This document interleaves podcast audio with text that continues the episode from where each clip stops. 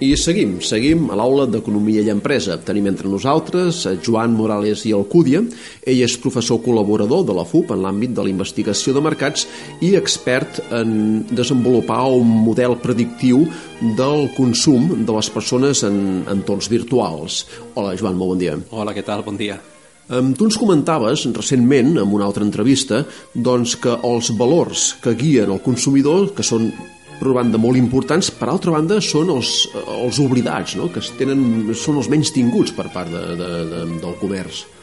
Sí, sembla curiós, però si nosaltres fem un repàs als diferents models del comportament del consumidor, els autors, eh, històricament s'han oblidat dels valors, han tractat i han treballat, han pivotat sobre eh, les actituds com a element clau i fonamental de les seves teories, però els valors tant personals com a socials s'han més tingut respecte a les actituds. Com és possible, això? Doncs la veritat és que és una mica sorprenent i, i va ser el punt d'arrencada del meu treball de tesi doctoral, no? perquè si els valors d'alguna manera són guies i referències que serveixen com a pauta de, per executar determinades conductes, i en aquest cas eren conductes de compra, doncs semblava una mica eh, curiós que hagin estat els grans oblidats. Mm, de fet, mm, la meva intuïció és que en part han sigut mm, oblidats perquè i resulta complexa de, de mesurar el que és un valor. Clar, és menys quantificable. Més quanti menys quantificable, així com una actitud. Tu tens tres components molt mm, bàsics que has de mesurar, un component que és el coneixement que tu tens sobre aquell objecte, un, una valoració que fas sobre aquest objecte, que seria el segon component, i un tercer, que seria com et comportes en relació a aquell objecte, eh, els valors són molt més diversos i és molt més complexa de, de mesurar a nivell matemàtic i a nivell d'escala que utilitzes per, per mesurar. Pensem que hi ha diferents escales i que aquestes escales no sempre concorden entre si i a més hi ha elements de, de solapament entre, entre valors que fa difícil la seva mesura. Llavors tu planteges eh, transportar aquests valors en el comerç electrònic, en aules virtuals. Eh, hem vist fins ara que les aules virtuals canviaven, però canviaven per, per motius purament tècnics, no? que s'anaven doncs, a versions superiors i més, més avançades. Eh, però cap s'adequa a la personalitat i als valors no? de, de, de, del consumidor. Com, com ho plantejaries fer, aleshores? Clar, de fet, eh, hem de partir de, del fet de que el consumidor no és estàtic i que qualsevol consumidor evoluciona al llarg de la seva vida. Per tant, si els valors són un element clau i determinant del comportament del consumidor, hem de preveure de que aquests valors van canviant al llarg de la vida, malgrat que siguin unes referències molt més estables que les actituds. Per tant, eh, les webs si volem adequar-les als nostres clients han d'evolucionar en consonància amb aquests valors i han d'anar de la mà dels valors d'aquests clients que nosaltres tenim. Aleshores, plantegem un, un, un jovent, eh, un consumidor jove, um, que compri per prestigi i no per diners, perquè doncs, encara s'han de fer els calés. Um, com s'hauria d'adequar la web a, a aquest perfil de consumidor?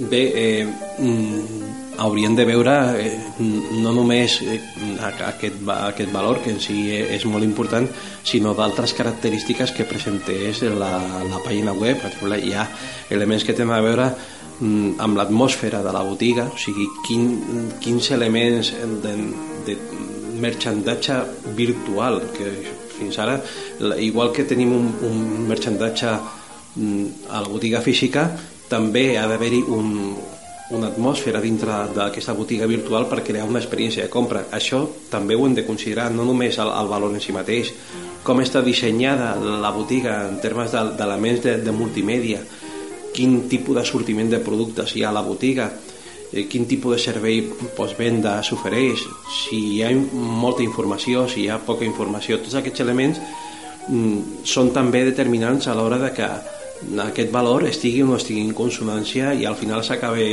produint la, la compra online. No podem dir que un subjecte amb un valor mm, que tu comentaves de, de prestigi eh, sense considerar d'altres elements com aquests que acabo d'anomenar eh, mm, acabi comprant a la botiga. O sigui, hem de considerar els aspectes del consumidor, els atributs de tipus psicològic, hem de considerar també les característiques de l'entorn virtual i els seus comportaments perquè clar, aquesta persona que t'està comprant per prestigi quin és el temps que dedica a la compra o quina és la seva freqüència a l'hora de visitar la botiga online. Totes aquestes variables s'han de mesurar també per tenir un perfil i una radiografia més adequada a, a, a aquell target que tu en aquell moment necessites com a client o, o, o vols vincular el teu negoci amb, i posicionar-lo a partir d'aquell valor. No és una única variable que, eh, que et digui si tens aquesta variable doncs eh, el client amb una probabilitat X acabarà comprant és un conjunt de variables que relacionen entre si i a partir d'aquestes relacions doncs la probabilitat de que el client sigui lleial augmenten i quines són les variables més importants? Entenem que el prestigi n'és una del producte, el preu n'ha de ser també una altra, la qualitat segurament que també, no? Eh, també, però a, a part de totes aquestes hi ha molts valors més associats a productes o sigui, puc dir, per exemple el valor de l'excel·lència o el valor funcional o valors de, de tipus estètic o de plaer o experiencials o d'autoexpressió del propi subjecte o valors de reconeixement social. Jo compro aquell producte perquè realment aquell producte a nivell social m'aporta un prestigi. O sigui, hi ha molts valors que mm, tenen valor, per dir-ho així. O sigui, fins ara el, el valor, des del meu punt de vista, ha estat molt vinculat a factors que tenen a veure bàsicament amb el preu i bàsicament amb la qualitat. No? Un producte que té valor és un producte que té qualitat i que té un preu elevat. Però a part d'això, hi ha d'altres valors que eh, fins ara no s'han considerat i que són molt importants en el comportament de, del consumidor en relació a la compra o amb la lleialtat del consumidor. En una entrevista anterior tu ens vas comentar la necessitat de que l'empresa tingués coneixement, clar, de, de, de, de, de quins són els valors del consumidor. Ens vas doncs, dir la importància que tenen les xarxes socials eh, com a mitjà de coneixement. Mm, actualment hi ha, hi ha alguna web que, que, que adequi l'entorn virtual en funció dels valors del consumidor? No, en l'actualitat no. És una, una recerca que obro jo en primera persona i que m'agradaria doncs, que fos un punt bueno, d'arrencada per, per possibles mm, investigacions futures que intentessin doncs, això mateix, o sigui, concebir, concebre, millor dit, la pàgina web com un punt de trobada entre l'organització o la marca i el consumidor. En aquell punt de trobada mm, poden haver-hi més o menys discrepàncies. Quantes menys discrepàncies hi hagi entre la percepció del client en relació a la botiga virtual i quan la botiga virtual és atractiva perquè les seves característiques escauen amb les característiques i els factors interns del consumidor, més probabilitat hi ha que el consumidor acabi comprant.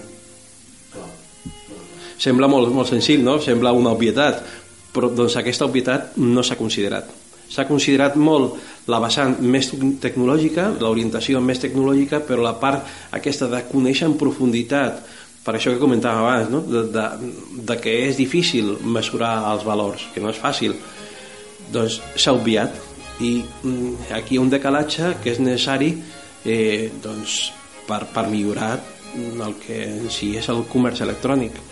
Clar, és difícil conèixer els valors, però també eh, és doblement difícil conèixer-los a través de mitjans virtuals, entenc jo, no? Perquè si fos real, fos a la botiga doncs, física, potser aquest contacte es pot, mm, se'n pot eh, obtenir el coneixement, però a través d'un contacte virtual es fa, es fa difícil, no? Sí, però fixa't que mm, fins i tot amb aspectes tan, tan primaris com poden ser el disseny de la botiga virtual, nosaltres ja podem veure si, si aquella botiga eh, està donant una imatge de, de prestigi o segons la utilització de determinats colors. O sigui, els colors s'associen hi ha colors que s'associen a, a prestigi. El negre és un, un color que s'associa per exemple amb l'elegància amb l'exclusivitat. Llavors el propi, el propi entorn virtual ja t'està donant pistes de eh, quin és el consumidor que vol atraure en aquest que vol ser eh, o que, o que pot ser client potencial d'aquell entorn. I amb això doncs, s'afegirien elements de, de tipus multimèdia i, i d'altres que no han sigut molt estudiats o que s'han estudiat molt a nivell teòric com, com és el flux. El flux ha sigut una, una variable que a nivell teòric tots els models que s'han considerat de tot el món o sigui, jo he estudiat eh, models sobre comportament del consumidor des de mm, s'han utilitzat per mesurar comportament del consumidor a la Xina, Corea, Iraq, Estats Units eh, i de tot el món i, i veus que la variable fluxa és determinant. Què és això del fluxa? Doncs és la percepció que tu tens que quan estàs dintre d'aquell entorn virtual per la noció del temps i l'espai. Si tu estàs en una botiga offline i perds la noció del temps i l'espai, dintre de la botiga estaràs més temps. Per tant, la probabilitat de que acabis comprant serà més alta. Si jo sóc capaç de generar un entorn virtual en la qual tu estiguis molt de temps, les probabilitats de que acabis comprant el producte seran més altes. Per exemple.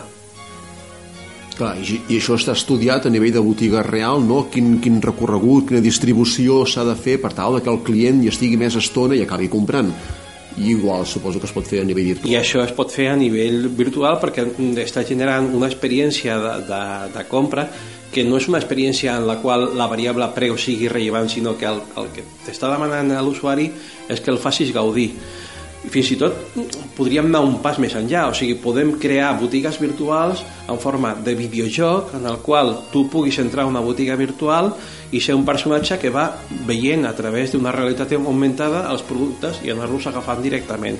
Això encara està també per desenvolupar, és una altra línia que, que es pot desenvolupar a nivell de, de comerç electrònic. Per tant, amb els empresaris que ens estiguin escoltant i que tinguin dissenyada ja i en operació, operatiu, una, una web virtual, què els hi diries? Que, que continuïn així, que, que esperin a que tu puguis implementar aquests canvis? Bueno, aviam, eh, això és una mica... Mm, jo no, no sóc ningú per dir el que han de fer els empresaris, no?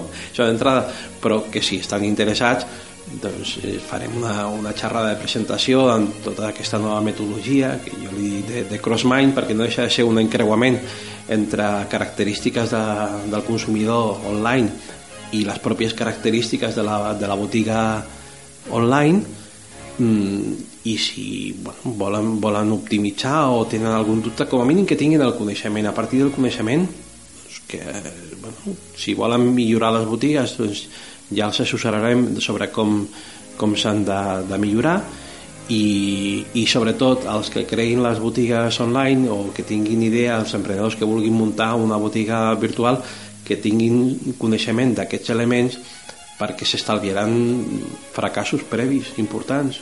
I és una llàstima doncs, que es facin inversions que després no tinguin cap retorn Uh. -huh.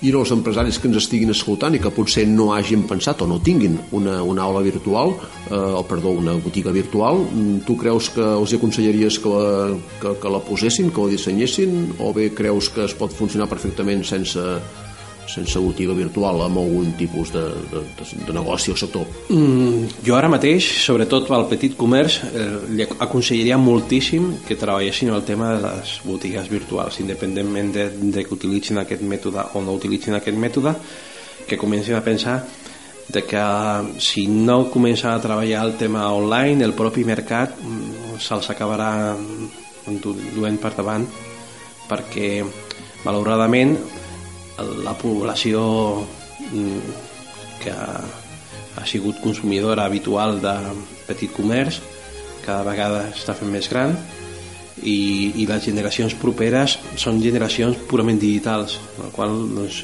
i a més a més hi ha, hi ha un altre element que considero que és molt important i és que avui en dia la gent disposa de poc temps per anar a comprar i comprar online és molt senzill pots abarcar mercats que estan molt lluny i per tant ofereix uns avantatges molt importants de cara al consumidor final que és del que es tracta en definitiva. Molt bé, doncs fins aquí l'entrevista amb Joan Morales i Alcúdia. Agraïm les seves reflexions sobre aquest àmbit en el qual ell és un expert en el comerç electrònic. Gràcies i a reveure. Gràcies a vosaltres